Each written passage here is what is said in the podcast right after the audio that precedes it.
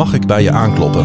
Een podcast van de Stadskerk, waarin Klaas-Jan Terveen en Dennis de Valk iemand uitnodigen om een inkijkje te geven in de arena van het alledaagse leven. Met voor mij uh, alweer het script van aflevering 19 van deze, nou ik durf ondertussen wel te stellen, nu al legendarische podcast. Ik voelde hem aankomen. En uh, ik heb er zin in. We hebben ook een uh, volgens mij hele leuke gast. Ik, uh, ik ken haar nog niet zo goed en ik heb de oplossing, want je mag jezelf even voorstellen. dat is een goede. Dat is echt goed, ja. Je hebt net heel hard geoefend. Ja. Probeer het nog een keer. Ja. Els Manuputi. Yes! Helemaal goed. Zit ja. schuin tegenover mij op, ja, toch maar weer de zolderkamer van, van mij, van KVM Media aan de Paterswotsweg in Groningen. En uh, dat heeft ja, te maken. Wat, we zijn nog een beetje aan het opstarten in de kerk. Hè. We zijn nog een beetje zoekende van waar moet alles staan en hoe zorgen we ervoor dat de kwaliteit gewaarborgd is en dat soort uh, uh, toch wel belangrijke zaken. Ja, ja. ja er is nog een hele hoop te verbouwen. Want de ja. wensen zijn best. nou, die zijn niet gering. Maar goed, we, we, kunnen gelukkig hier terecht. Het is hier heel fijn. Het is heel mooi geïsoleerd hier. En dat hebben we daar nog niet. Dus daar gaan we aan bouwen. Ja. Nou ja, we zijn natuurlijk. Uh, we hebben eigenlijk een aflevering overgeslagen, hè, tot onze grote spijt. Ja, dat is wel echt heel zonde. Want uh, we, we uh, zijn er wel van om de streak in leven ja. te houden. Nou ja, er is 18 afleveringen gelukt. Dus daar mogen we best ook trots op zijn. Ja, alleen corona gooide nu toch echt even ja. roet in het eten. Want dat trof niet alleen mij, het trof ook jou. Ja. Nou, dat, dat was net even te veel gevraagd om, om onze tweewekelijkse cyclus overeind te houden. Zonder dat we bij elkaar zijn geweest, hè? Ja, ja. we hebben het niet inderdaad aan elkaar overgedragen. Nee. Uh, maar goed, uh, heel veel mensen die ontkomen er op dit moment niet aan. En, uh, en wij dus ook niet. Nee. Maar ik ben er goed uitgekomen. Ik Jij je hebt nog wat, wat hoesklachten. Ja, ik heb af en toe wat droge. Heel af en toe. Ja. Het kan ja. ook maar. Mag geen naam hebben. Nee. nee, ja, we gaan het horen. Of maar ik ben blij. Als ik er vooraf wat voor, voor had kunnen tekenen, dan, ja. dan mag ik niet klagen. Er zijn mensen die hebben er meer last van gehad. Hey, voordat ik uh, jou een aantal zaken ga vragen en uh, we even een rondje gaan doen, ook hoe het met ons gaat en wat we hebben meegemaakt. We weten natuurlijk niet wanneer jij, die nu zit te luisteren, deze podcast luistert. Misschien wel van zomer op het strand aan de Côte d'Azur of uh, op wintersportvakantie in Canada. We weten niet waar jij op dit moment bent, waar je op de wereld luistert.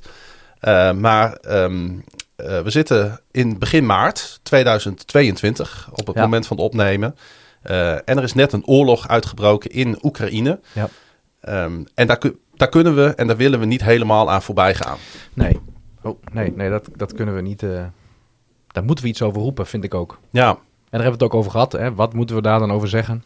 Je kunt een soort. Uh, ik, bedoel, als je, ik moet zelf zeggen, ik, ik, kijk eigenlijk de hele dag wel door een soort repeterende nieuwsstream. Dan, dan ga ik weer even naar CNN, en dan kijk ik weer naar Nederland. En dan. Er zit toch ergens een soort uh, nieuwsgierigheid, belangstelling van zou het dan toch beter gaan of zo. Ja. En, maar, maar wat ik gewoon wel, um, nou, wat ik, wat ik, ja, we hebben het natuurlijk ook over onszelf. Wat ik graag wil vertellen is hoe ik het beleef of zo.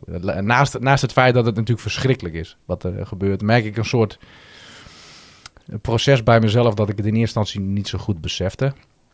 Dat ik dacht, oh ja, het valt wel mee. Mm. Je houdt het een beetje buiten de deur. Je denkt, ach ja, het zal toch wel meevallen. Dan word je geconfronteerd met wat beelden dan denk je nog steeds, oeh, dit is wel heel pijnlijk, maar um, ja, het raakt mij. Dat is niet iets wat je bewust denkt, maar het raakt mij en mijn gezin nog niet, of zo. Maar vervolgens, uh, en dan, een paar, dan pakken we het vier, vijf dagen later, begint uh, meneer Poetin met het dreigement als het gaat om uh, kernwapens. Dan denk je, oeh, dat, dan komt het wel een stuk dichterbij, maar ach ja, hij zal toch niet het plaatsje Buffalo, volgens mij kent hij het niet eens. Het zal toch eerder Londen en Berlijn zijn. Dus, maar eigenlijk wat ik ermee bedoel te zeggen is dat zelfs als er een oorlog is op een plek waar uh, ik nog nooit ben geweest, het aan de ene kant heel dichtbij komt, mm -hmm. maar dat je een primaire reflex hebt waarbij het gewoon op afstand houdt. Een soort overlevingsstrategie of zo. Dat is eigenlijk altijd zo, hè? maar we ja. moeten ons wel realiseren dat er maar één Oekraïne, uh, dat we maar één Oekraïne verwijderd zijn van Oekraïne als het ja. gaat om oppervlakte. Ja. Ja, we hebben natuurlijk wel vaker oorlog dicht bij de deur gehad. Maar bijvoorbeeld, hè, ik noem maar wat, een zijstraat Noord-Ierland en Ierland. Ja. Uh, maar dat was ook nog relatief ver natuurlijk, hè? Ja. Maar uh, nee, er is wel wat aan de hand. Uh, Els, jij bent, ja, jij bent ook maar gewoon een Nederlander, een moeder ja, met kinderen. Ja. Um, is als zo'n oorlog opeens op ons continent gebeurt, is dat een andere oorlog gevoelsmatig dan bijvoorbeeld de beelden die we nou, misschien kennen vanuit het Midden-Oosten en Afrika? Nou, ik denk het wel, omdat uh, Oekraïne natuurlijk relatief dichtbij is. En ehm, ehm, onze kinderen kennen een Oekraïense. Mijn schoonzus is Oekraïens. Ja. ja. Uh, dus dat weten ze. En ze weten ook dat zij daar elk jaar naartoe op vakantie gaan. Uh, het hele gezin met de kinderen. Ja. Um, dus dat is heel moeilijk. Dat je dat. Nou ja, wij zijn daar geweest op de bruiloft. Familie. Nou, ik ken natuurlijk de hele familie niet, maar ik weet wel hoe het daar is. Ik ben daar geweest. Waar in uh, Oekraïne wonen ze? Ja, vlakbij Lutsk. Tenminste, als ik dat zeg, gaat zij, mijn schoonzus waarschijnlijk zeggen dat het niet zo is. Maar in een dorpje, ja. uh, daar een aantal... Uh... Maar Oost, Noord, uh, Zuid, ah, dat weet ik allemaal niet. Geen idee? nee. Ja, het, is natuurlijk, het maakt wel iets uit natuurlijk in dat land waar je ja. woont en verblijft. Ja. Niet, op dit moment... Nou, haar Vorige familie week woont... was Oekraïne, Ja, Oekraïne. I know. Ik, ik hoorde Ja. nu in eh, Kharkov. eh, ik het die- mezelf zeggen en ik zag inderdaad een kaartje vanmiddag op het journaal. Dat ik dacht van ja, ze zijn overal al bezig. Ja. Nou, het is zo'n 16 uur rijden. Dat, Ja. Als ze dat rijdt in een eentje. Ze is in december nog geweest met Hm. de kinderen. Dan rij je daar 16 uur over. Dus dat is echt wel heel ver weg. Maar Ja. toch ook heel dichtbij. En Ja. ja. ja, dat maakt het denk ik wel heel, eh, heel anders. Dat je weet, kijk, het raakt mensen. En ik ken de verhalen van de oorlog, de Tweede Wereldoorlog, ook goed van de verhalen. En de impact die dat heeft op families en de generaties vooral. Maar dat Ja. je denkt, dat is gewoon nu aan de gang. Ja. En dat is natuurlijk ook heel dichtbij door wat je allemaal erover ziet en leest. Ehm, ja, je kan het bijna live volgen wat er gebeurt. Ja. Dat is best wel, eh, komt dat heel dichtbij. Ben, En ik- ben je daar ook veel mee bezig, over, gewoon overdag, de- gedurende de dag? Niet echt, omdat Nee. ik daar heel weinig eh, mee kan. Mhm. Maar ehm, nou ja, we hebben het natuurlijk er wel over eh, hoe is dat. En ook voor onze kinderen. Het is niet echt een, een, een onderwerp wat gezellig is. eh, Nee. en waarvan je ook niet weet waar het heen gaat. Ehm, ik ben niet bang. Maar het is ook niet iets dat je kan zeggen... oh, maak je geen zorgen daarover. eh. Het komt wel goed. Ja, dat ja, moeten we zien Ja. hoe dat gaat. eh. en dan denk ik, ja, als het in je familie is... is dat gewoon heel dichtbij. Ja, Ehm, dus dat is heel pijnlijk om, om dat mee te maken... dat iemand die zo dichtbij in onze familie is... dat zo beleeft alsof zij daar ook is. Ja. Ja. En, ehm, nou ja, en dan kan je niet heel veel doen... behalve spullen geven, inzamelen. En eh, nou ja, dat is natuurlijk wel aan de gang nu, gelukkig. Dus dan kunnen we dan in elk geval wel doen. ja, daar kun je wel een- je steentje bijdragen. En jij, Ja. Klaas-Jan, hoe, eh, hoe ervaar jij het? Ja, ik moet heel eerlijk zeggen dat, ehm, dat ik het ook in eerste instantie allemaal niet zo goed door had. Dat ik me er ook een beetje afzijdig van hield, omdat ik heel erg bezig ben met eh, de waan van de dag als het gaat om de lokale journalistiek. Ja, snap ik. Omdat ik eh, echt een lokale eh, reporter ben. En toen belandde ik opeens vorige week op de grote markt. Op de eerste dag dat het echt, eh, echt fout ging. En daar stonden 30, 40 eh, mensen uit, eh, uit onder andere Oekraïne. Vooral voornamelijk Oekraïne stonden daar. Die hadden elkaar daar opgezocht. En er stond een ehm, jonge dame met een bord. ook vastgehouden door een jonge man. En ik kwam erachter dat zij uit Rusland kwam en hij uit Oekraïne. En er stond op Hands of Ukraine. Ja. Hm. En toen dacht ik, ja, als dit kan, als dit mogelijk is, dat deze twee mensen hier één zijn. eh, eh, ja, eh, hè, vijanden op, politiek niveau, maar natuurlijk niet op, op mensniveau. Eh, dat gaf mij wel een beetje hoop. En dat is wel een beeld wat mij een beetje is bijgebleven gedurende deze periode. En wat mij ook wel weer steun gegeven heeft. Dat ik dacht van ja, niet heel veel mensen willen dit volgens mij. Hè? Ik ga het ook gewoon zeggen, er zit gewoon een manicale gek. Zit er aan de Mhm. knoppen in. Rusland. Eh, en, en, en net als in heel veel landen is daar gewoon ook heel veel mis als het gaat om dat je niet mag zijn wie je bent. Dat je niet eh, verliefd mag worden op degene op wie je verliefd bent. Dat je niet mag geloven in de God waarin je wil geloven. Hè, er is echt wel wat aan de Mhm. hand in dat land. Mhm. Ja. Alleen, ehm, ik ben ervan overtuigd dat er ook wel een soort van stille kracht is. Die ervoor gaat zorgen dat, eh, dat het niet te ver komt of zo. Daar, dat is wel een soort van hoop waar ik mij aan wil vasthouden. Dat uiteindelijk dat eh, de menselijke mens, dat die toch boven komt drijven. Nou, ik help het je echt hopen en bidden. Ja. Ik, eh, Maar het is ook meer een hoop dan dat Ja. ik kan uitspreken nu van dat gaat ook gebeuren. Want ja, helaas, eh, wat de toekomst brengen mogen.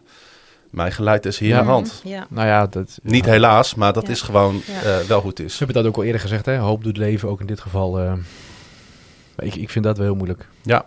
Want ik, ik, eh, En dat is ook moeilijk. ik zie weinig, weinig menselijkheid aan de kant van Poetin. Dat Ja. vind ik, eh, nou, waar we het ook, eh, ook in het kort waar we het over hadden, wat ik, waar ik geloof dat eh, God mij in ieder geval persoonlijk iets in heeft eh, geleerd, ook weer de afgelopen dagen, is dat ik, je bent heel snel geneigd om te bidden voor de vluchtelingen en voor de mensen in Oekraïne. Oekraïne wordt helemaal een soort van, eh, nou, ik wil niet zeggen opgehemeld, maar dat is, eh, die krijgt nu alle aandacht. En Poetin, dat is de soort, de, de, dat is de internationale maniak en, en terecht vanwege zijn daden. Maar Poetin is ook een mens. En op het moment dat Poetin de enige was op deze aarde, was Jezus ook alsnog voor hem gestorven. Tja. En Jezus houdt van hem. En ik denk dat als ik in, Oek- in sowieso als ik in Oekraïne zou wonen, zou ik dat niet over mijn lippen kunnen krijgen. Ik vind dat nu al lastig. Want ik denk dat mensen daar wat van vinden. Maar ik geloof dat ehm, er ook mensen moeten zijn die bidden voor deze man. Want Hm. in Ja. de diepste kernen, in de diepste grochten van zijn hart is dit niet wat hij wil. Daar ben ik van overtuigd. Alleen dat is wel. eh, ja, dit is heel kort door de bocht of zo. Het is, het is heel moeilijk om het te bevatten. Wat zo'n eh, man beweegt. Eh, hij is ook eh, weer op zijn beurt een product van zijn opvoeding, van zijn. Hmm. van het communistische regime. eh, 30 jaar aan de macht. Hij is daar mensen aan het brainwashen. waarbij ik soms ook denk dat hij dat niet eens bewust doet. Dus ja, God zegene hem. La- Laten we daar ook. eh, en zonder dat we er nu een uur over gaan hebben. Maar Nee, ik vind het, dat eh, eh, Ik vind het heel, heel mooi dat je dat zegt. de basis is liefde Ja. In alles. En ik geloof dat God eh, hem ook gewild heeft. Amen. Ook met hem een, een, een doel heeft. En Ja. daar loopt hij nu echt aan voorbij. En ik hoop dat als jij het hebt over die stille stem, de stille Ja. persoon, ik hoop dat, dat, dat God in, ja, eigenlijk wil ik erom smeken gewoon, dus dat mijn smeekbeden, dat God ingrijpt en, en hem dan maar in een droom tot de orde roept of zo. eh. Het maakt eigenlijk niet uit op welke manier, hè? Nee. Ik denk dat we, en heel veel van, eh, van onze luisteraars wel aanvoelen wat jij, eh, wat Ja. jij bedoelt, eh, Dennis. Ja. Hey, ehm, we willen natuurlijk ook met jou in gesprek gaan zo meteen over wie je Mhm. bent, wat je drijft. En waarom je het zo leuk vindt om in deze podcast te zitten. Dat mag je straks ook even uitleggen. Maar ja, we doen altijd even een, een rondje. hè, Ja. Om, om toch ook even weer te kijken hoe het met ons is. En ik wou met jou beginnen. Nou, hartstikke leuk. Heb je nog Eh. wat leuks meegemaakt de afgelopen periode? Ja, zeker. Is Ik- de hele simpele vraag. ja. Ik, wel, wat kies ik? Nou, wat heel leuk was, is dat ik met mijn schoonzus, waar- die ik net noemde, en mijn, eh, mijn broer en eh Yunus, mijn man, eh, uit eten ben geweest in Leeuwarden. Dat zou al eh, vorig jaar, dat is al door uitgesteld. Restaurants weer dicht, maar nu Ja. kon het eindelijk. En in Leeuwarden kon je bij verschillende restaurantjes elke keer een gerechtje en een gangetje. En dan liep je naar het volgende restaurantje. Dus we hebben Serieus? heel Leeuwarden gezien. We hebben lekker een wandeling gehad de hele Zo'n middag. spijswandeling. Wijn en spijs was het. Dat Ja. echt Ja. leuk, zeg. Ja. Dat ken ik helemaal niet. En eh, ja, heel erg leuk was dat. Dus we hebben heel veel leuke tentjes in eh, Leeuwarden gezien. Het was heel gezellig. We hebben ja, echt even tijd voor elkaar gehad. Mooi, Het man. was heel, heel leuk om te doen. En eh, Leeuwarden is een hele leuke stad. Dat Ja. is ook wel weer eh, voor herhaling dat is ook vatbaar. wel eh, verwonderlijk natuurlijk. Hè? Nou ja, ik kom er niet Aangezien zo dat vaak. Friesland is. ja, Ja, het is niet echt Friesland, hè? Leeuwarden niet? Nou, in Leeuwarden willen ze er niet zoveel van Ja, weten, volgens ja, mij. gewoon- Vind- ze geven, ze geven zichzelf een beetje een status apart, hè? Oké, Ja, nou dat nou, weet het ik allemaal niet hoor. Ik Nee, eh, gekkigheid. vind, het, vind het leuk om eens een Wil je keer nou een oorlog, nog een oorlog ontketen? nee, eh? nee, nee, nee, nee. Nee, helemaal niet. Ik hou van Friesland. Ik kom er helemaal niet meer tussen, jongens. ja, Nee. sorry. Leuk om eens een keer in een andere stad te zijn. Kijk, ik ben echt groot fan van Groningen. Ik vind Groningen een hele mooie stad. Maar nu hebben we dus even ook echt heel Leeuwarden van een, hele leuke kant gezien. Dus dat is een aanrader om dat Ja. eens een keer te gaan doen. Nou, kan best wel verfrissend zijn hè, om je eens een keer ergens anders heen te gaan. Ja. Als je het aandurft, hè? Ja, Weet je wat het mooie van weggaan uit Groningen is? Dat je er ook altijd weer terugkomt. Ja, absoluut. Klein-Jan, jij jongen. Ja, ik, eh, ik wou toch even weer eh, wij, wij van WC Eend eh, spelen. Ik heb eh, wel een leuke podcast opgenomen eh, vorige week met eh, een basketballer van Donar. Ja. De basketbalclub hier, Marcus Addison, een Amerikaan. Eh, eh, 55 minuten lang in het Engels, dus dat was ook wel even schakelen. Maar ehm, ja, heel mooi gesprek met hem gehad. Hij is christen en ehm, eh, getuigde daar ook over in de podcast. En dat is best even apart voor mij, zeg maar. Ja. En, en voor het publiek wat naar die podcast Ja. luistert. En dat ik dacht van, hé, hey, wat, wat, wat moet ik hier op dit Ja. moment mee? Want ik had het niet per se zien aankomen. En toen zei ik van, want hij, ik zei op een gegeven moment, hoe belangrijk is familie eh, voor je? Hij zei, ja, eh, family is second with, eh, after God, of course. En toen zei ik van, oh, oh. en Amen, brother, amen. Oh, nee, oh nee, dat kan ja. dat zei ik niet. Ik heb hem wel uitgenodigd om met me mee te gaan naar de kerk trouwens. Cool. Want hij miste echt de kerk. Wat leuk. ja, maar dat tezijde. Hij, ehm, ik zei van ja, ik zeg dat ik vind het echt mooi dat je dat zo zegt. En ik wilde toch wel, wel even bij stilstaan. Want wij Nederlanders zijn er vaak iets terughoudender mee. Ja. Zeker in een seculiere setting. En hij zei ja, ja, hij zei, snap ik wel. Maar eh, hij, zei, hij zei, geeft helemaal niet. En, eh, Alsof jij je ervoor verontschuldigde. Ja. Ja. ja, en eh, het was allemaal oké. En ja, ik vond het mooi dat hij, dat hij daar zo over sprak. En hij zei, ja, moet je goed luisteren, zei hij. I wouldn't be here without my Lord and Savior. en toen maakte mijn hart wel even een Ja, sprongetje. dat is dacht wel ik van, ah, dit is wel mooi dat... eh, Vond Bas het ook leuk? dat ja, zeker. En Janiek? Ja, ja, Ja? ja. Ah, ja, ja. Nee, ja, goed. eh, eh, ik, ik weet niet zo goed wat, hoe dat werkt als je helemaal niet gelooft. Maar ik denk wel dat je, eh, dat je kan genieten van het feit dat iemand eh, eh, zoveel liefde uitstraalt en, en zoveel vertrouwen in zijn geloof. Ja. En ook al onder een mom van, hè, als jij daar kracht uit haalt, dan vind ik het helemaal prima. Zolang Ja. mij helemaal niet meer lastig valt. Dat heb ik zo vaak gehoord. Ja, maar dat deed hij dus niet, want Ja. hij benoemde het wel. Ja. En dat vond ik tof. En dat vond ik een mooi moment. Leuk. Ja, dus als je nog zin hebt in, in een gesprek met, van 55 minuten lang met een basketballer, dan kun je dat ga gaan luisteren luisteren. op de Russo Radio. Leuk man. Ik ben vorige week een weekendje naar Zeeland geweest. Dat was superleuk. Ik heb daar wel, of ik had het daarvoor al, of ik heb het daar opgelopen, eh, corona. In een, nou ja, dat was echt bizar. In een overvol subtropisch zwembad waarbij ik dacht, wat is er aan de hand? Is hier überhaupt corona? Dat Dat, ook dan in één keer als er van, versoepelingen worden aangekondigd, dat iedereen ook maar doet. Wat jammer was dat we eigenlijk vrijdagmiddag wilden, maar toen was het code rood. En net op het Oh, moment ja. dat wij met de auto naar Zeeland willen, dus we dachten, nou, je weet niet wat er gebeurt.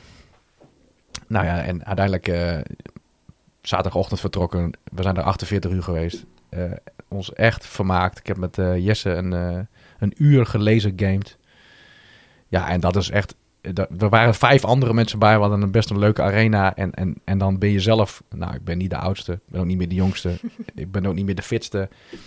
En dan een jongetje van tien. En die wint al die potjes van, va- van, van zes volwassenen. Dat is echt... Ja, dat was superleuk.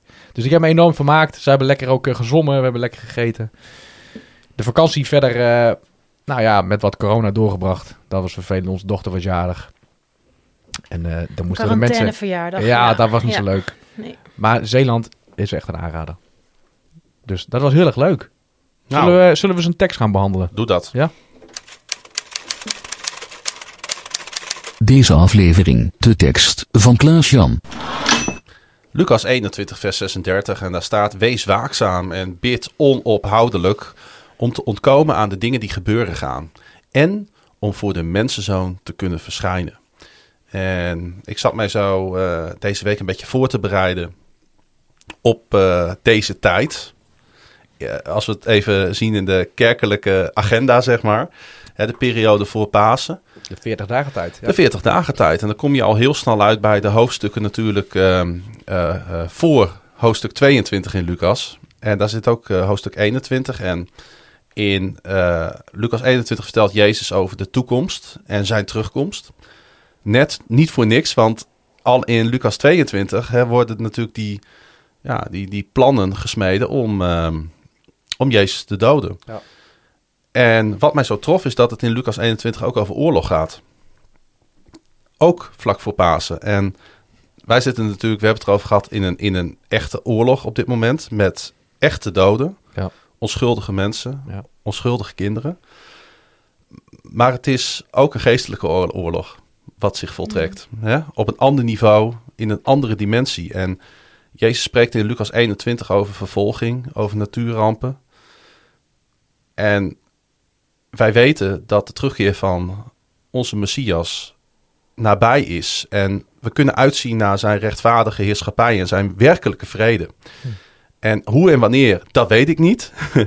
ik doe niet eens een poging zeg maar, om, om, om het voor te stellen. Eh, maar natuurlijk zijn we bang. Hè?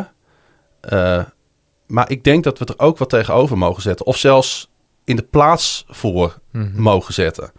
Hè, vol vertrouwen op, op Jezus terugkeer. En Jezus vertelde zijn discipelen dat ze voortdurend naar zijn terugkeer moesten uitkijken. En Ja. ik denk na, twee, na 2000 jaar is, is er nog steeds diezelfde belofte, diezelfde boodschap. Hij zal bij ons zijn en op een dag zal hij ons redden uit het lijden. Amen.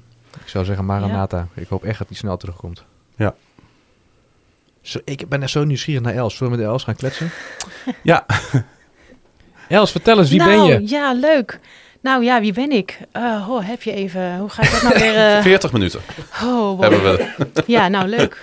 Nou, ik ben Els. Ik eh, woon sinds kort weer in de provincie Groningen. Eh, wat jij zegt over teruggaan naar Groningen, dat heb ik ervaren. na ehm, 21 jaar niet in Groningen hebben, te hebben gewoond.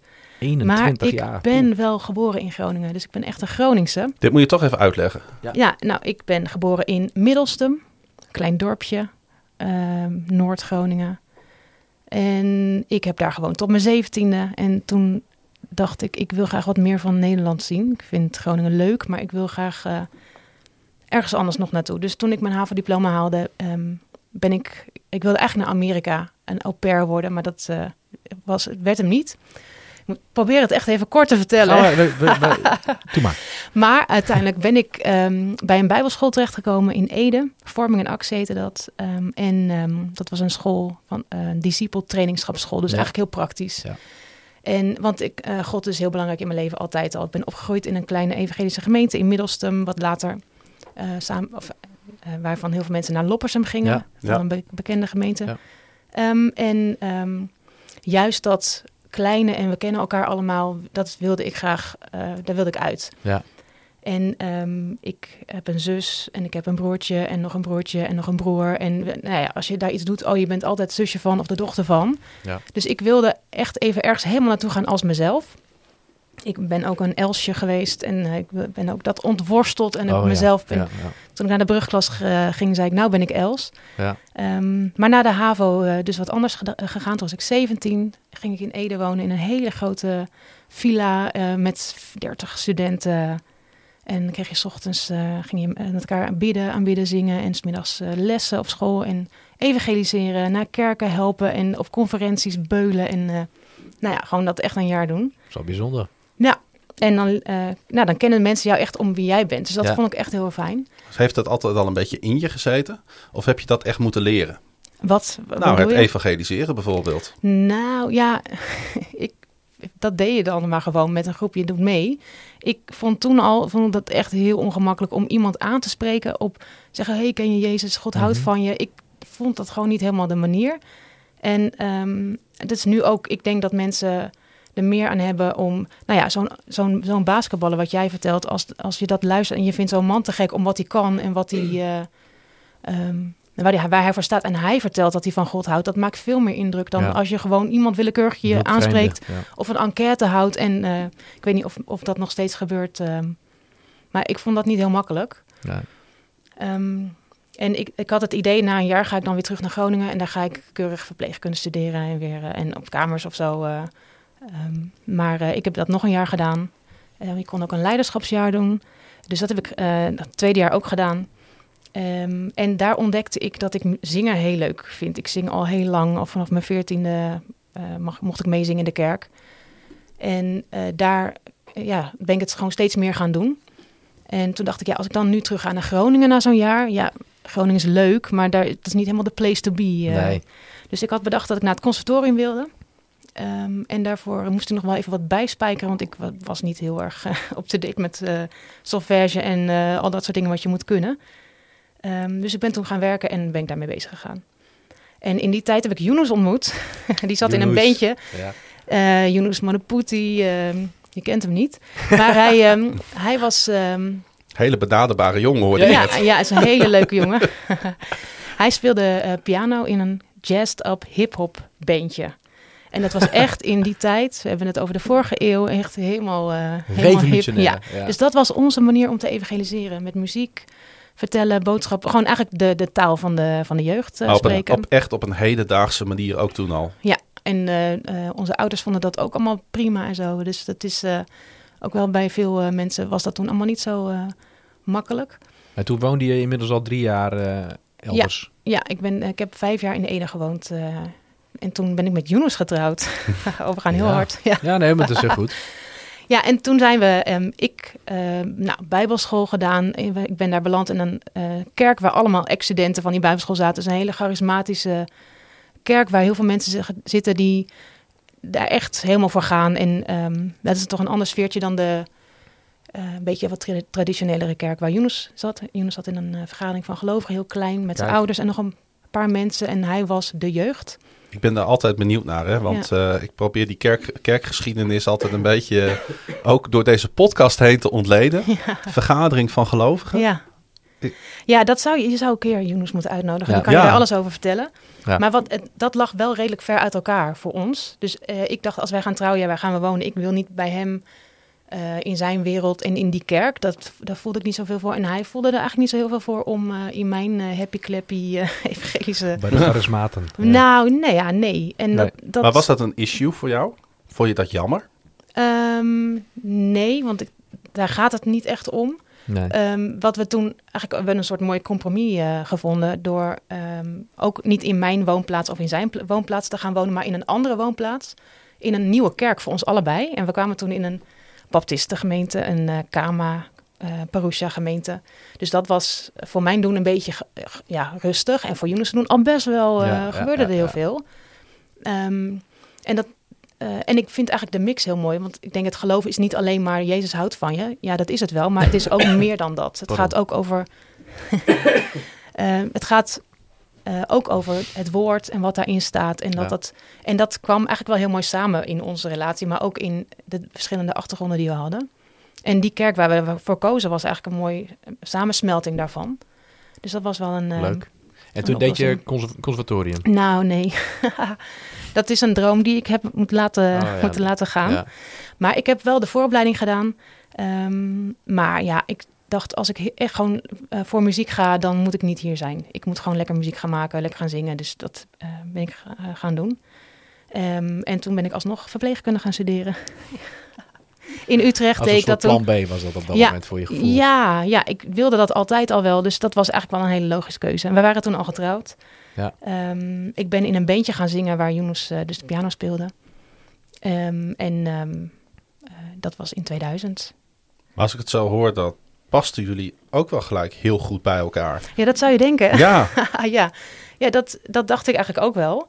Want ehm, ik, ehm, leuk dat je dat zegt, want dat is namelijk, dat is eigenlijk helemaal niet zo. We zijn echt zo verschillend. ja. Ehm, ik voelde hem al aankomen. Oké. nou ja, goed. Wij, eh, muziek is een heel belangrijk eh, onderdeel in ons leven. God is een heel eh, groot... eh, ja, dat is heel belangrijk. Ja. En ehm, wij hadden eigenlijk samen geconcludeerd... We waren echt heel jong hè, toen we verkering kregen. God, muziek en koffie. Dat Ja. is het in Ja. het leven. Ja. Daar draait het om in het Ja. leven. Ja. En nog steeds is koffie... eh, ja, ik kan echt niet zonder koffie. Ik heb het gemerkt eh, Ik vanavond. sta op met. ik sta op. Het eerste wat ik doe is eh, koffie zetten en thee Ja. zetten voor de kinderen. Eh, maar God en muziek, ja, dat is het gewoon. En Dus wat dat betreft, eh, Die komen Onder op de elkaar. tweede plaats. ja. ja. ja, ja, dus dat, ehm, eh, we hebben dat wel moeten leren om eh, daarin samen te gaan. eh, om dat wat makkelijker te maken. maar vind je dat niet ook gewoon een hele mooie ontdekkingstocht? Achteraf, ja. Ja, ja, dat is echt heel leuk. Achteraf, ik kan altijd achteraf heel leuk eh, zeggen van zo is het gegaan en eind goed, al goed. eh. Maar het is ook zwaar geweest. Nou ja, dit is wat ik altijd wel eh, leuk vind om. ehm, ehm, wij waren in die hele evangelische gemeente, toen hadden wij verkering. Of in die hele eh, charismatische gemeente. Daar werd het heel erg gestimuleerd. Ga, kies voor elkaar, maak goede keuzes. Ja. En eh, dat hebben wij van huis uit ook meegekregen. Je gaat niet zomaar met iedereen eh, Nee. ehm, daten of zo. Best Mhm. wel serieus. En wij waren ook samen heel serieus. Ehm, en dan, ehm, wij waren heel jong toen wij trouwden. Ook omdat we ja, dachten, ja, dit is de volgende stap en dat doe je dan. En Ja. ik denk ook dat het echt heel goed is om die keuze te maken. Ehm, maar wij hadden niet echt een voorbeeld. Ze zeiden alleen maar, dan is, dan is het goed. En dan gaat het, dan gebeurt het allemaal. Ja, ja, ja. En nou, bij ons in elk geval niet. Wij hebben, ehm, ik denk Younes en ik zijn heel verschillend. Ook onze achtergrond, maar ook Younes is thuis de jongste. Ik ben een tweede eh, dochter. Dus dat is een hele andere... Gezinsdynamiek, ja. Gez- ja, absoluut. En ehm, eh, dat maakt wel dat je, dat je wel eens botst daarin. En nou, dat hebben we, we zijn nu 21 jaar getrouwd, hebben we regelmatig gedaan. En ook eh, dat je dan, wat, wij nu, wat ik dus daar nu over kan zeggen, is dat, je- dat wij nu weten als het dan moeilijk is of als we eh, elkaar even kwijt zijn, dat het dan eh dat niet aan ligt of wij wel of niet bij elkaar passen, of dat het wel of niet goed is dat we Mhm. met elkaar getrouwd zijn, maar dat het soms moeilijk is om die verbinding goed te houden. Ehm, en dat, ehm, dat is ook wel iets wat wij eigenlijk tegen alle stellen die we tegenkomen zeggen. Wij spelen vaak op bruiloften samen als duo. eh, en het is niet zo dat we het bruidspaar feliciteren en dan zeggen van wacht maar, het wordt ook moeilijk. Maar Nee. Ehm, ik vind het wel mooi om dat ook te laten zien aan mensen. eh, vooral ook als ze eh, wel dat nog dromen en hopen dat als je getrouwd bent, dat het dan allemaal gaat gebeuren. Terwijl ik denk, ja, Yunus is niet perfect, maar ik ben ook niet perfect. Ik Nee. eh, stel hem ook teleur, ik kwets hem ook en hij mij. En als je elkaar dan daarin kan vinden en, en daar een beetje ruimte in kan geven, eh, dat merken wij dan nu na zoveel jaar, dat, het, ehm, dat je daar elkaar in kan vinden. Heeft dat En- dan met kwetsbaarheid te maken? Met jezelf kwetsbaar durven op te stellen, maskers durven af te werpen, je Ja. open durven te stellen voor een ander, maar ook leren om in een ander te zien wat hij, zijn of haar kwetsbaarheid is? Ja, ja dat allemaal denk Ja. ik. En ook ehm, juist omdat wij zo verschillend zijn, ehm, ze hebben, kijken we ook anders naar el- elkaar. Als er bij, als er bij mij iets misgaat, denk ik, oh, dat, heb ik, dat ligt aan mij. Of ik zal, als ik een afspraak, eh, als er iets niet goed gaat met een afspraak, dan denk ik, oh, heb ik dat niet goed Mhm. eh, in mijn agenda gezet of eh, heb ik iets niet goed duidelijk gecommuniceerd. Terwijl Jonas sneller denkt, oh, dat zal de ander, dat zal aan de ander liggen. Dus als wij een conflict Oh ja, hadden, ja. waren we het allebei eens dat het aan mij lag. Ja. En dat is natuurlijk niet altijd zo. Dat is soms wel eens zo. Dat zal echt wel eens zo zijn. Maar, Maar wij, komt, dat eh, dan van, komt dat dan vanuit die verschillende gezinsdynamieken? Dat jij wat hoger, zeg maar, qua leeftijd, eh, nou ja, dus een beetje door de bank genomen, maar als je een van de eerste bent, dan word je over het algemeen wat strenger. En wat houden, daar houden je ouders je wat meer aan de Ja. afspraak. En als je wat later in het gezin Ja. komt, ach, dan mag het allemaal wat meer. Ik, dat zou heel goed kunnen, want ik denk wat eh, je zou daar natuurlijk heel veel eh, psychologie op los kunnen Ja. laten. En dat heb ik zelf ook absoluut gedaan. Eh, ik heb net een opleiding afgerond waarin ik ontzettend veel eh, daarover leer en geleerd heb. Ehm, maar wel dat ik in mijn gezin, wij waren, we hadden ook heel veel vaak pleegkinderen in, ehm, in ons huis opgenomen. Dat je heel erg leert om rekening te houden met anderen. Ja, ja. Dat je leert, ehm, tenminste, ik heb dat zelf een beetje te goed geleerd, dat een ander het eigenlijk altijd moeilijker had. En dat ik dacht, ja, wat heb ik nou? Ik Ja. heb nergens om me Nee. druk over te maken. Maar dan cijfer je jezelf dus weg. Ja, eigenlijk wel. En ehm, dat is best goed. En zeker als christen ook, hè, je moet de ander hoger achter dan jezelf. Ja. Terwijl ik denk, nee, ik lees het nu ehm, naast, gewoon net zo. Je mag de ander hoog achten, maar jezelf ook. En daar moet je een balans in vinden, denk ik. En dat is wat wij, nou, door schade en schande in 21 jaar huwelijk eh, leren. Ehm, dat, dat dat zoeken is. En dat je, want ik denk, ja, het gaat leuk over liefde. ehm, maar ik denk, ja, de liefde is er wel eens niet. En Nee, ik weet niet nee. eh, hoe dat bij jou is. Nee, maar bij eh, ons, ik denk, als het alleen maar over liefde gaat, dan, oh, dan is het heel, heel spannend. Maar ik denk, het, de, de tekst die in de Bijbel staat, waar ik me altijd aan vasthoud, liefde en trouw. Dus ik dacht, Ja. als soms dan voel ik echt gewoon geen liefde. En dan twijfel ik niet over mijn huwelijk. Maar ik denk wel, oeh, dat is soms heel ver weg. Maar de trouw is er altijd. Ja. En dat is iets, als je je daaraan kan vasthouden. En dat hebben we gelukkig allebei altijd kunnen doen. We hebben Mhm. altijd eh, elkaar daarin kunnen eh, vinden. Of dat we samen het eens waren dat het moeilijk was. Dat is natuurlijk ook wel... ja. eh, ja, dat is ook al een heel groot goed. en, dan, en dan komt de liefde wel weer. En we hebben daar ook wel hulp bij gezocht, hulp bij gevraagd en hulp bij gevonden, gelukkig. Ehm, want ik denk, ja, soms ehm, weet je gewoon zelf niet goed hoe het werkt. Ik, ehm, nou ja, wat je zegt, ik cijfer mezelf dan wel makkelijk weg. Maar dat hoeft niet altijd. Dus het gaat ook over jezelf volwassen worden eigenlijk. Ja, ja. En dat, ehm, heb ik, eh, dat hebben we wel gedaan. We zijn samen volwassen geworden eigenlijk.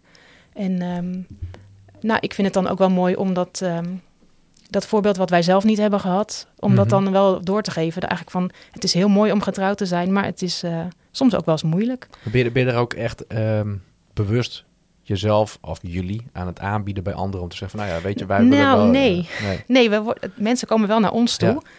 En dat, dat vind ik iets heel moois. Want ik zou bijna denken, nou ja, als wij gewoon wel eens vertellen, wij hebben genoeg eh, mensen die ehm, die bij ons langskomen of komen eten, dat vinden we heel gezellig als mensen langskomen. Ja. Ehm, dat, we, dat, we, dat mensen dan denken, oh jullie hebben het helemaal voor elkaar, leuke kinderen. En dit, dus ik weet niet hoe, maar die kinderen gedragen zich altijd fantastisch als we publiek hebben. Zijn ze beleefd en aardig. En Net zoals jij vroeger, denk ik, of niet? nou, dat zou ik heel goed kunnen. en dan eh, denk ik, oh, ik heb eigenlijk best, eh, dat gaat heel leuk. Maar dat is natuurlijk maar een stukje wat je ziet. Ja. En ehm, nou ja, ik voel altijd wel de behoefte om dat te nuanceren. Dat ik, zeg, Ja. ja, dat, ik dat ook zeg van ja, wat, hoe mensen misschien naar ons zouden kunnen kijken. Ehm, dat wij eh, daar wel echt ons best voor doen. Ja. En dat, nou ja, vooral als ook stelletjes dan komen die nog eh, het idee hebben dat het allemaal heel leuk wordt. ik help ze graag uit de droom dat het Ja. huwelijk geen sprookje is. Nee. Uh, maar dat het ehm, nou ja, wel de moeite waard. En ook, ik denk als wij hadden geweten dat het eigenlijk heel normaal is. Dat je het wel eens niet eens bent met elkaar. Of dat je het wel eens elkaar heel stom vindt. Of dat je wel eens eh, eh, denkt van... Goh, hey, waarom eh, vonden we dit ook weer een goed idee? Mhm. Dat zou heel geruststellend zijn. Dus ik, nou ja, ik vind het altijd wel fijn om dat ook eh, aan andere mensen en te vertellen. En dan blijkt eigenlijk dat ze dat alleen nog maar... eh, ja, het, is, fijn, het is hartstikke denk goed. ik, oh, dan ga ik wat vertellen. En dan ehm, vinden ze ons... Ja, het is gewoon heel echt eigenlijk. Dat is het meer. Ja.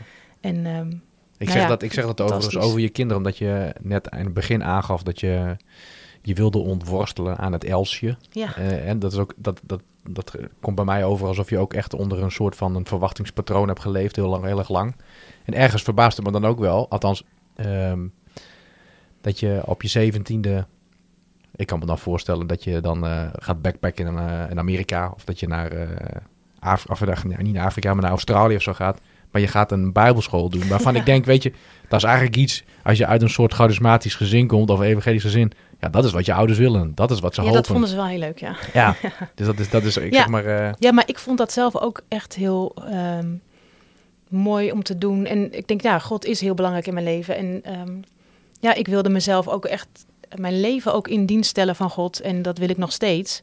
Ehm, ik leer daarin wel meer om eh, dat niet helemaal grenzeloos te doen. Maar ook om te zeggen van, goh, nou eh, is het even Mhm. tijd om een stapje terug te doen. Of ja, eh, dit kan wel en dit kan niet. Dus we gaan wel wat gezonder. En ja eh, begrijp ik. Ja. het is wel leuk als je, heel, als je 17, 18 bent om daar helemaal vol voor te Ja. gaan. Dat is natuurlijk wel een superleuke ja, eh, tijd. en niet drie daar. weken, maar echt drie jaar ook. Twee jaar was Twee dat. jaar. Ja, maar goed, dat ja, was drie jaar in Ede gewoond, zei je. vijf jaar in Nederland. Ja. Ik heb goed opgelet, hoor je dat? Heftig. Ik ben na een jaar weer weggegaan. Ik heb ik, heb een echt, eh, ik heb een jaar in Ede gewoond. Serieus? Ja, serieus. Ook voor de bijbelschool? Of, eh? Nee, nee, nee, nee, Ik zat wel op de CHE daar, op de Christelijke Hogeschool Ede. Ja. Voor Oh ja. de- Voor Ja, de PAPO. Ja. Ik, ik, ik, ik, ik vind het toch wel bijzonder. eh, en jij stipt het niet voor niks aan. Eh, er zijn natuurlijk ook eh, heel veel eh, jongeren. Zeker als je, als je, als je inderdaad eh, of gereformeerd of charismatisch wordt opgevoed. Maakt eigenlijk niet zoveel uit. Ja, die gaan op hun zeventiende op stap. Ja. Ja. die gaan, het wereld, die gaan, die gaan de wereld ontdekken. En die, ontdekken, leven- en die ontdekken dat er alcohol is. En Ja. misschien zelfs wel dat er ook nog andere genotsmiddelen zijn. ja. En dat er een grote aantrekkingskracht is opeens op een andere sekse die er ook rondloopt. Ja. Bijvoorbeeld. ja. Ja. Ja. Heeft, heeft, dat, heeft dat een rol in jouw leven gespeeld? Vraag ik me dan opeens af. Want het Ehm. klinkt allemaal zo netjes. Ja, ik ben ook heel eh, keurig. Ja. Nou nee, ik heb... ehm, Die indruk hadden wij al. ja, Maar je bent wel natuurlijk smoor, op Yunus geworden. Dus En ik wil, abs nee, maar ik wil absoluut ervan af zijn dat dat erbij moet horen in het leven Mhm. of zo. Of dat je dat moet doormaken, zodat je later weer op het rechte Ja. pad moet kunnen komen of zo. Ja, nee, ik heb Nee, dat precies. nooit als iets gezien wat ik wilde uitproberen. Ehm, nee, nee, dat is niet. Ik heb wel een keer heel bewust met een vriendinnetje op de Grote Markt in Groningen, toen ik op die Bijbelschool zat, een keer een, eh, een peukje gerookt. ja. Eh, omdat ik dacht, ja, ik moet ook eens een keer iets doen wat niet helemaal hoort. dus nou, heftig dat, verhaal dat is Ja, echt het meest heftige wat Politie ik... eh, eromheen, direct Ja. opgepakt. Komt u maar mee. ja, ja, dus ik ben echt... Ja, nee, ik... eh, nee. Ik heb eigenlijk hetzelfde. Ik heb geen bijbelschool gedaan, maar ik heb niet heel veel dingen gedaan die... eh, terwijl ik uit de wereld kwam. Waarvan je zegt van, nou jongen, jeetje, dat heb je dat gedaan. Nee, ik was... eh, dat kan ook wel gewoon met karakter te maken hebben. Ja. Ja. Ik was, ik was ook Ja. wel redelijk... eh, Ja, ik Oh. misschien. eh, ik, ehm, ja, ja. ik heb er ook niet heel veel in de gemist Nee. overigens. Maar kijk, jij bent, eh, de, de, de Heer is vroeg op jouw pad gekomen. Ja. En jij hebt dat pad, ben, ben je dus graag gaan lopen. Ja. Dat is wel duidelijk. ja, en ik denk waar. en je kan je dus ja. ook niet zonder voorstellen. Nee, nee, Nee. nee. En waar ik me tegen af wilde zetten is dat kleine dorpse met familie en met Eh, daar wilde ik heel graag uit. Dus dat, dat was mijn manier om daar uit te gaan, om, om echt letterlijk uit Groningen te gaan en te verhuizen. En ik ehm, eh, heb heel erg mijn best gedaan om ook mijn Groningse geknauw eh, daar af te leren. Ja, dat doe je ook niet meer. Dat is wel gelukt, want ik was daar als 17-jarige. Nou ja, ik denk dat je gewoon net als eh, Klaas-Jan en ik. Ja, wij- ja, gewoon wij- net ja. dat, ja. dat, en toen ging ik proberen heel netjes te praten. En toen zeiden ze juist, Hé, waar kom jij vandaan? Wat praat jij raar? Dus toen, eh, nou ja, een beetje geprobeerd bij... Want ik denk, als je 17 bent, ik wilde heel graag eh, niet opvallen. En ik wilde heel graag gewoon dat ze niet dachten dat ik uit Groningen kwam. Het was niet zo cool. En je had toen eh, nog niet Ilse de Lange, die heel charmant haar accent gewoon gebruikte. Dat was nog voor die tijd. Is wel waar. Dat is, de laatste tijd is het wel Ja, veel meer. De laatste ja. tw- 20 jaar is het ingeraakt dat je toch weer uit de provincie mag komen. Ja. Ja, en ik heb, ik heb dat ook best, best wel... ehm, nou ja, ik woon dan nu weer vier jaar in Groningen. ehm, weer moeten gaan waarderen eigenlijk. Ja. Toen ik in het begin hier weer woonde, was het echt... Oh, ik dacht echt, hoe? Ja. En, ehm, maar dat kwam ook omdat dat heel erg hoorde bij dat, waar ik uit wilde. En Ja. nu vind ik het fantastisch. Ik Ja. doe echt mijn best af en toe om heel Gronings te praten. En, eh, dat is ook wel weer mooi, hè? Maar iemand wat nou, napraten. eh, wat nou Els, als leuk. je, als je ehm, om wat voor reden dan ook niet toen je 17 was naar een andere plek bent gegaan. Dus bijvoorbeeld als je ouders dat niet hadden gewaardeerd of als je gewoon zelf niet eh, het lef had gehad, want je, want je tekende best binnen de lijntjes. Ja. Waar had je dan, dat is, dat is natuurlijk dat is koffiedik kijken, maar wat heb je in die drie jaar of in die twee jaar, in die vijf jaar Ede, jouw leven is daar veranderd. Kun, je- kun, je daar, kun je daar eens wat over zeggen? Wat, als je dat niet had gehad, waar had je dan nu gestaan? Ja, nou ik weet wel dat ik toen ik op die bijbelschool zat, dacht, dat ik echt dacht, wat ik nu hier leer in één jaar, dat leert, leert een ander in tien jaar. Ja. En dat is aan de ene kant ook wel zo, maar ook absoluut niet. Nee. Eh, want ik weet nu wat ik nu weet. Eh, ik dacht, nou, ik wist helemaal niks. Eh, want ik was 18 toen ik daarvan uit die school kwam. Ehm, en wat ik gewoon heel erg weet, is dat God van mij houdt. En dat ik, van- dat ik van alles mag en dat ik van alles, van alles kan, maar dat het daar echt niet om gaat. Eh, dat is iets heel moois. Ehm, en dat geeft heel veel vrijheid. Dat je het niet per se het hoeft te verdienen. En dat is Nee. wel echt dat evangelische in mij, wat gewoon in mijn DNA zit. God houdt van mij. Ja. Ehm, ook al doe ik niks. Maar dat, ja, dat ga ik niet doen. Dus ik wil ook heel graag wel eh, beschikbaar zijn, dienstbaar zijn. Eh, en dat doe ik graag. Maar dat- daar gaat het niet om. Als zou ik niks doen, houdt God nog van mij. En ehm, dat is net als met mijn kinderen. Eh, ik vind het ook leuk als ze me een beetje helpen. Maar ik hou altijd van ze. En dat is echt, ik denk als dat maar een klein beetje lijkt op hoe God van ons houdt. Nou, dan, dat is onge- onvoorstelbaar. Ja. Dat is heel groot. En toch wil ik wat van ze. Toch wil ik dat ze ook Ja, wat, wat ja. doen in het leven. En dat Ja. ze Ja. hun best doen op school. En dan vraag ik wel wat van ze. En ben je met elkaar een gezin. En ben je met elkaar... eh, ehm, ja, hoor je bij elkaar. Mhm. Eh, dus dat, het is aan de ene kant ook wel weer voorwaardelijk. Maar Ja. toch, die liefde is er gewoon altijd. En dat eh, is iets heel moois. Ja. Hey, mooi. ik moet denken aan. ehm, terwijl je aan het praten bent, denk ik aan. Vorige week heb ik het eh, maand infoblad helemaal samengesteld. En daar kwam jouw naam ook voorbij. Ja, klopt. En eh, ik ben daar toch even nieuwsgierig naar. Ook omdat we het hebben ook over eh, nou, de mooie dingen in het leven, maar ook de, de, de, de gewoon echt de verdrietige dingen in het leven. Mhm. Jij, jij bent echt bezig ge- geweest, zeker nog steeds, met hoe ga je om met rouw? Mhm, Ja. Kun je, kun je daar eens wat over vertellen? ja, oh, wat moet ik daarover vertellen? Ehm, Nou, nou, ik- je, je bent daar ook specifiek voor de. Ja, De ik gemeente- Heb, ja, ik heb eh, eh, net twee weken geleden of vorige week, Ja. weet het niet meer precies, eh, mijn opleiding afgerond. en ik ben nu verlies- en rouwtherapeut. Dat, heb ik, dat is een 2,5-jarige eh, opleiding geweest, wat ik in deeltijd heb gedaan. Ehm, en, want ik heb dus uiteindelijk de verpleegkundeopleiding Ja. gedaan. Ik heb als verpleegkundige gewerkt.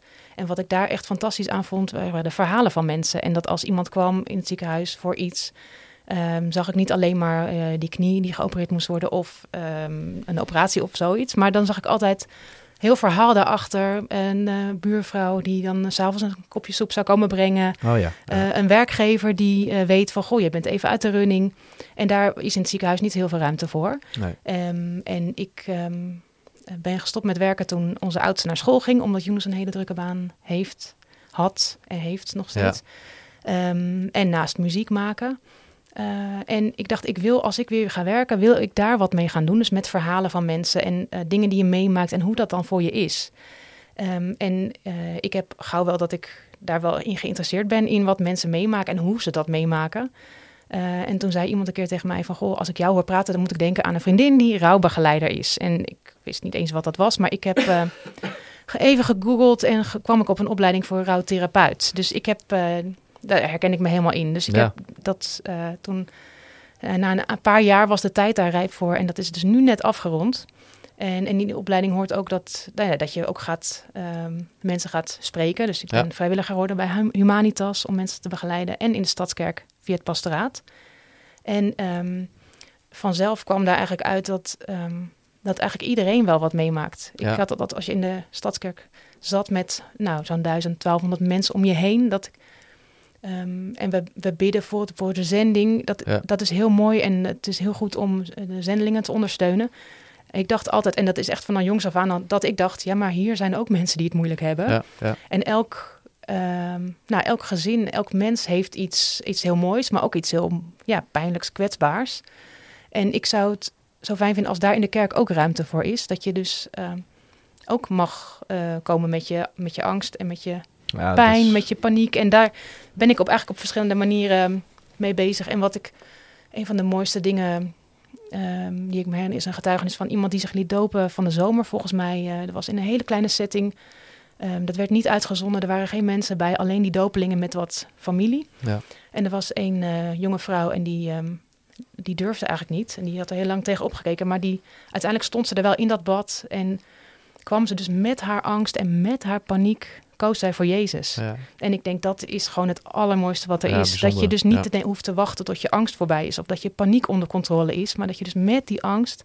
En dat herken ik zelf heel erg. Want ik eh, mag dus nu de familiediensten, de aanbidding leiden.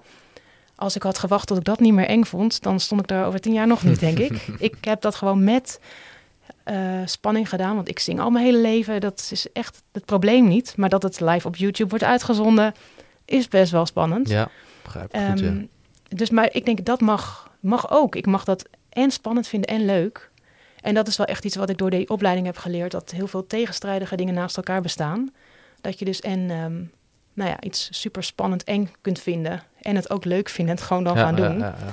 En ehm, En hoe kunnen, hoe kunnen de mensen binnen de gemeente die dit horen, die, daar- die, die echt eh, nou, aangaan, en ik van ja, daar, daar heb ik echt behoefte aan.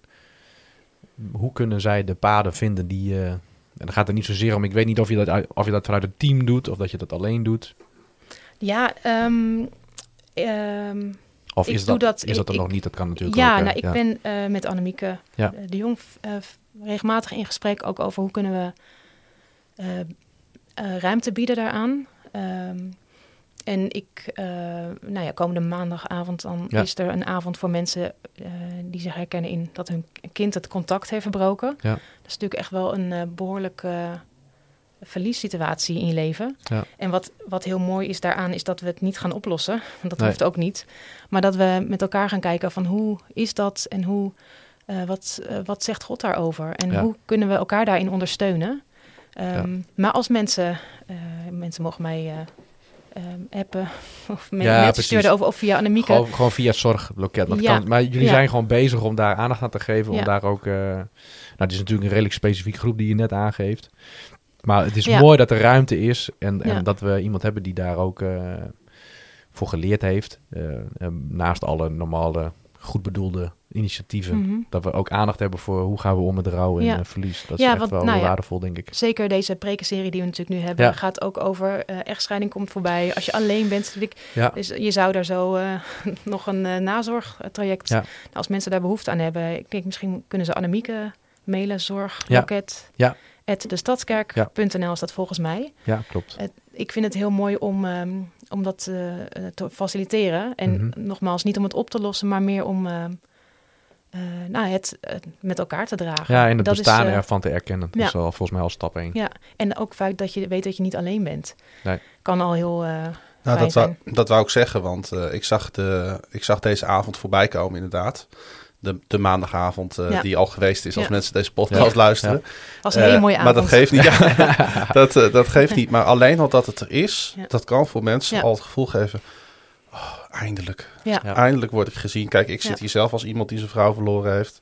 Hè, dus eh, ja, ik- ik voel het gelijk, zeg maar, hè, Ja. wat je, wat je Ja. bedoelt. En het gaat goed met mij. En, eh, maar ik vraag me wel eens af... Hey, zouden er nou in mijn gemeente nog meer jonge, relatief jonge mensen Ja. zijn... Ja, die hun partner hebben verloren? Ja. Ik heb geen idee. nee.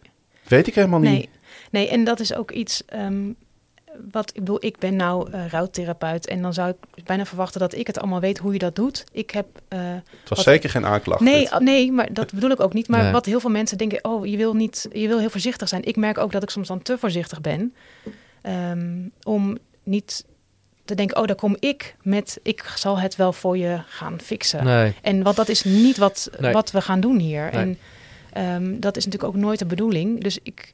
ehm, Volgens mij kun je Ik- het goed samenvatten door, te, door ehm, aan te geven dat je mensen tevoorschijn gaat luisteren. ja, dat is inderdaad een. En eh, gewoon een platform ja. bieden van, weet Ja. je, wij weten dat jullie er zijn. We, Ja. we, kunnen jullie, we kennen jullie nog niet van face-to-face, zeg maar, maar kom maar gewoon. En eh, ja, want inderdaad, deze maandagavond is dan een eerste opzet. En wat mij betreft gaan er veel meer volgen, Ja. ook op andere gebieden. Ja.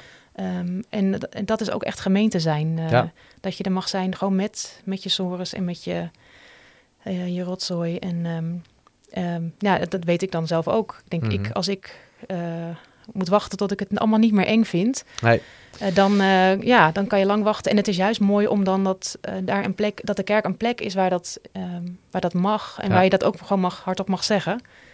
Ja. Ehm, laten we daar maar voor gaan met z'n allen. ja, ik soort, zou dat mooi vinden als dat, dat, eh, dat verhaal er ook is. Niet Ja. alleen maar van het gaat heel goed en we hebben heel veel goed voor elkaar hier in Mhm. deze mooie stadskerk. Nee, juist niet. Mooie oproep, Dennis. Ja, we gaan naar Roelof. Doe dat.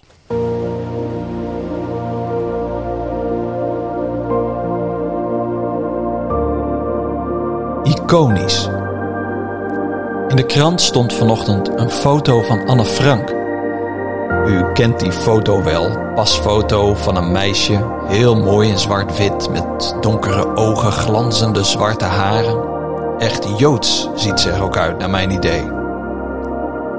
Komt dat doordat ik een beeld bij het uiterlijk van Joodse mensen heb? Of is mijn beeld van Joodse meisjes volledig bepaald door deze foto van Anne Frank? Hoe dan ook, alles aan die foto lijkt te kloppen in mijn hoofd. Haar dagboek, haar verhaal, haar identiteit sluiten aan bij die foto. Zo'n beeld helpt om haar verhaal voor me te zien. Wij zijn gewend aan foto's. We dragen een camera in onze broekzak en leggen ons leven vast met grote vanzelfsprekendheid. Van de oorspronkelijke bewoners van Amerika is bekend dat zij in vroegere eeuwen niet gefotografeerd wilden worden uit angst dat er een stukje van henzelf werd afgenomen. Iets van hun ziel, zeg maar. Dat lijkt op hoe er in de oudheid naar beelden werd gekeken. Zo'n beeld, dat was niet zomaar steen of verf. Iets van de ziel van het afgebeelde was aanwezig in de afbeelding. De Bijbel trekt ten strijde tegen deze opvatting. Jezaja maakt beelden belachelijk. Ze kunnen niet horen, niet zien of wat dan ook. En daar kniel je dan voor neer? Tegelijk maant het Oude Testament tot voorzichtigheid. Niet het beeld, maar de aanbidding van dat beeld is gevaarlijk. Wat ben je aan het doen? Wat gebeurt er met je? Gij zult u geen gesneden beelden maken, waarschuwt God in het eerste gebod. Leg mij niet vast, hoor ik daarin. Ik ben levend, niet dood. Ik ben meer dan je kunt begrijpen. We willen beelden. We willen iets voor ons kunnen zien. We willen het verhaal in ons hoofd vastleggen, oproepen en bevestigd zien door steeds hetzelfde plaatje. Welk beeld heb jij van God? Klopt dat wel? We kunnen niet zonder Gods beeld, al is het maar in ons hoofd. Maar het plaatje in ons hoofd wordt soms een vast geroest beeld, een self-fulfilling prophecy. Zo is God, zo moet Hij zijn, zo doet Hij. Het Bijbelse Godsbeeld is veel moeilijker dan dat. Zoek je een beeld van God? Lees Genesis 1. Man en vrouw schiep Hij hen naar zijn beeld schiep hij hen. Kijk in de spiegel. Je lijkt op God.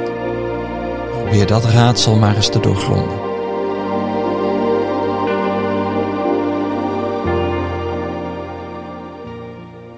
Ja, dat is wel een raadsel. Word ik gelijk ook weer een beetje teruggeslingerd naar de eerste preek uit de preekenserie over eh, relatie en seksualiteit. Ja. Als we het hebben over eh, de oorsprong. Ja.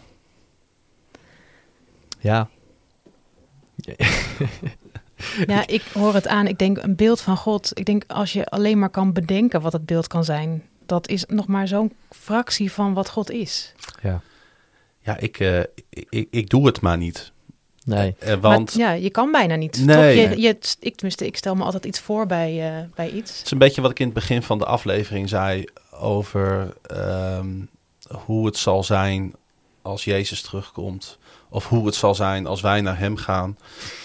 Ik weet het niet. Ik kan me er geen voorstelling van maken. Ik heb een verlies geleden in mijn leven. Ga ik haar weer zien? Hoe ga ik haar zien? Hoe ziet zij er dan uit? Hoe zie ik er dan uit? Mhm. Ik word er helemaal gek van als ik erover ga nadenken. Ja. Nee, echt. Ja. Mhm. Want dat Ik gaat, kan me dat wel voorstellen. dat gaat, dat gaat letterlijk ons verstand dus te boven. Ja. Dat is het stukje Mhm. wat onze hersenen, hoe goed we onze best ook doen, eigenlijk niet eh, kunnen handelen. Nee, dat is een Nee, beetje. het- ik moet een Ja. beetje denken aan de negatieve kant van. eh, dus waar we, het over, waar we mee begonnen, oorlog. Het, het besef van de dingen die je eigenlijk niet kunt vatten, niet kunt. Dat is, dit is dan zeg maar de, de positieve kant van de medaille. Ja. God is zo goed. Het woordje goed dekt niet de lading. Het, het- je, je kunt er niks mee. Het enige wat ik weet is dat het goed is. En dat het Ja. mooi is. En dat het prachtig is. En dat het alles erboven gaat. Volgens mij is dat. eh, dat dekt de lading. En dat komt ook naar voren in de muziek.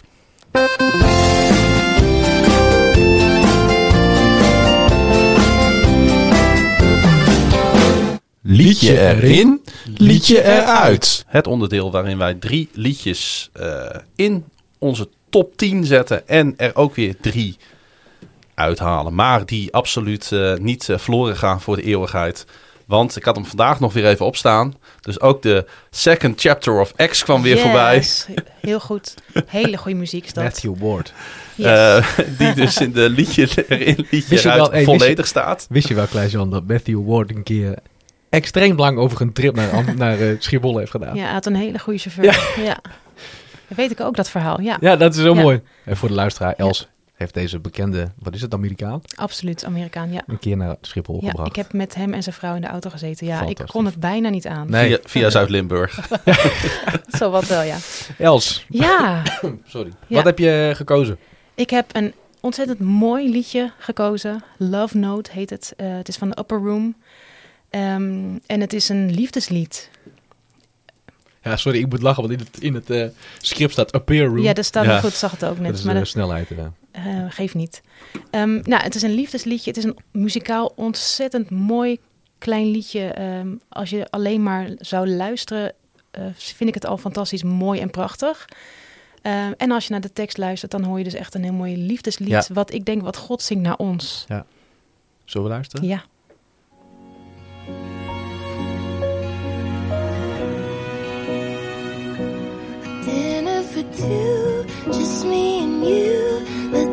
Some time to sit down and dine. I broke my bread and poured out my wine. I did what it took to make you my bride. I'm bringing you back to the garden, back where it all started. All of your sins have been pardoned. Now we just get to be together. Now we just get to be together. Dat is wel mooi, klein, inderdaad. Precies wat je zegt. Mhm. Prachtig lied. Vind je het ook mooi, Klaas? Ja. Mooi. Ja, dat vraagt hij wel vaker. En dan, want, want ja, Ja, maar je Ik- mag ook eerlijk zeggen als je hem niet mooi vindt. nee, dat, dat doe ik ook. Ja, Ik heb wel vaak bij eh, muziek dat ik het twee of drie keer moet horen. ja Mhm. dat begrijp ik wel. Voordat ik echt eh, kan zeggen van, hey, dit, dit is, vind ik mooi. Of dit ga ik vaker luisteren. Of dit zet ik in mijn eigen lijst. Ja. Eh, maar goed, Mhm. hij staat nu in deze lijst. Dus eh, Ja. ja. Je ontkomt er niet aan. we ontkomen er niet aan. Nee, Welke mag mooie eruit, keuze. eh, Els? Ik had wat gekozen. Eh, weet jij het nog? Ja, ja, ja, sorry. Ik, op het volgende blaadje zie je Oh, keurig. onderaan staat hij.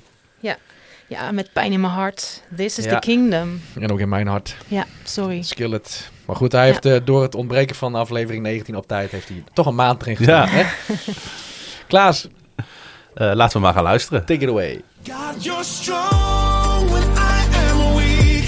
I need your grace to me see that I'm no longer a slave to me. I've been washed, I've been set free. You make me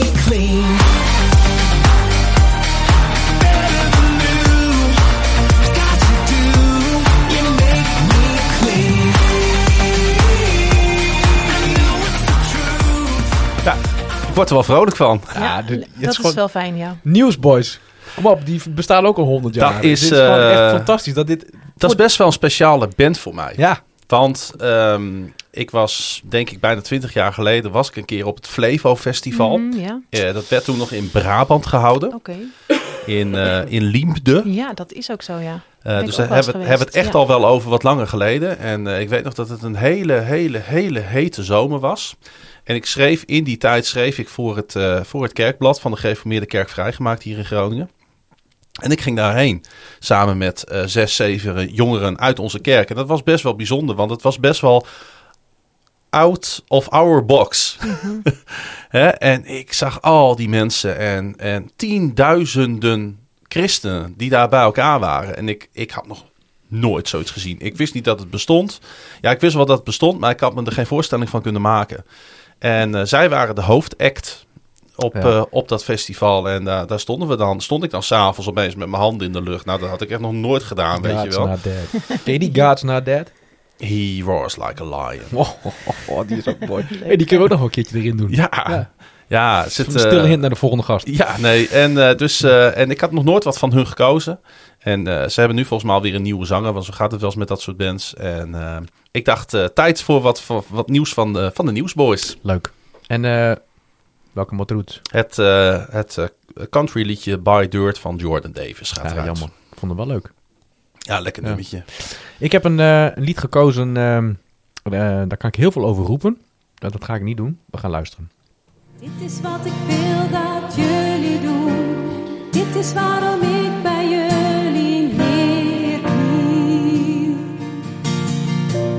Dit is hoe mijn kerk behoort te zijn. Dit is wat de wereld ziet van mij.